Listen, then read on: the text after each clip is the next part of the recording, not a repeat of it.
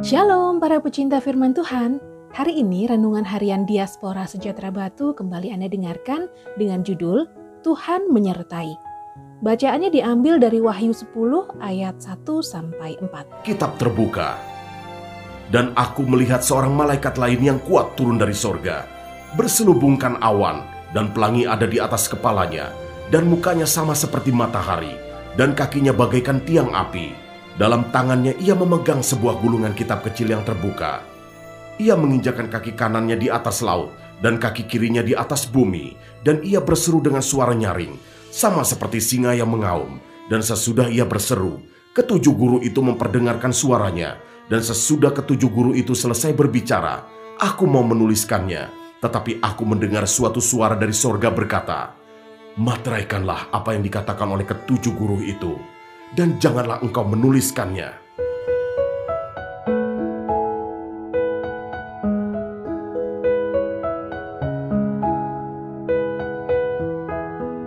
Dan aku melihat seorang malaikat lain yang kuat turun dari sorga, berselubungkan awan dan pelangi ada di atas kepalanya dan mukanya sama seperti matahari dan kakinya bagaikan tiang api.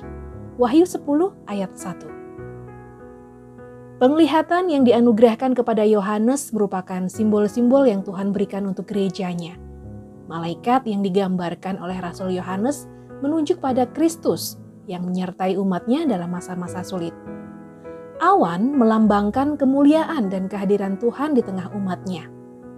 Dalam perjalanan bangsa Israel ke tanah Kanaan, Allah menyertai bangsa Israel dalam wujud yang awan dan tiang api, sehingga mereka bisa menikmati pemeliharaan Tuhan dan terlepas dari serangan musuh yang ada di sekitarnya. Melalui penglihatan itu, Allah menyampaikan pesannya melalui Rasul Yohanes supaya umatnya tidak gentar dalam menghadapi tekanan dan penganiayaan karena imannya kepada Kristus. Allah akan senantiasa menyertai mereka sehingga penganiayaan tersebut bisa mereka lalui dengan baik tanpa kehilangan sukacita karena pengenalan dan imannya kepada Allah.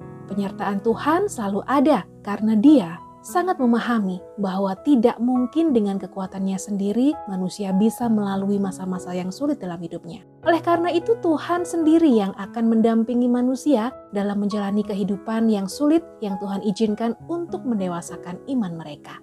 Penyertaan Tuhan masih berlaku dan kita nikmati sampai detik ini. Namun yang perlu selalu diingat dan dipahami, penyertaan Tuhan dalam hidup itu bukan berarti hidup ini tidak akan mengalami kesulitan, kesusahan, atau tekanan, tetapi justru bisa sebaliknya. Masalah hidup akan Tuhan izinkan untuk mendewasakan kita.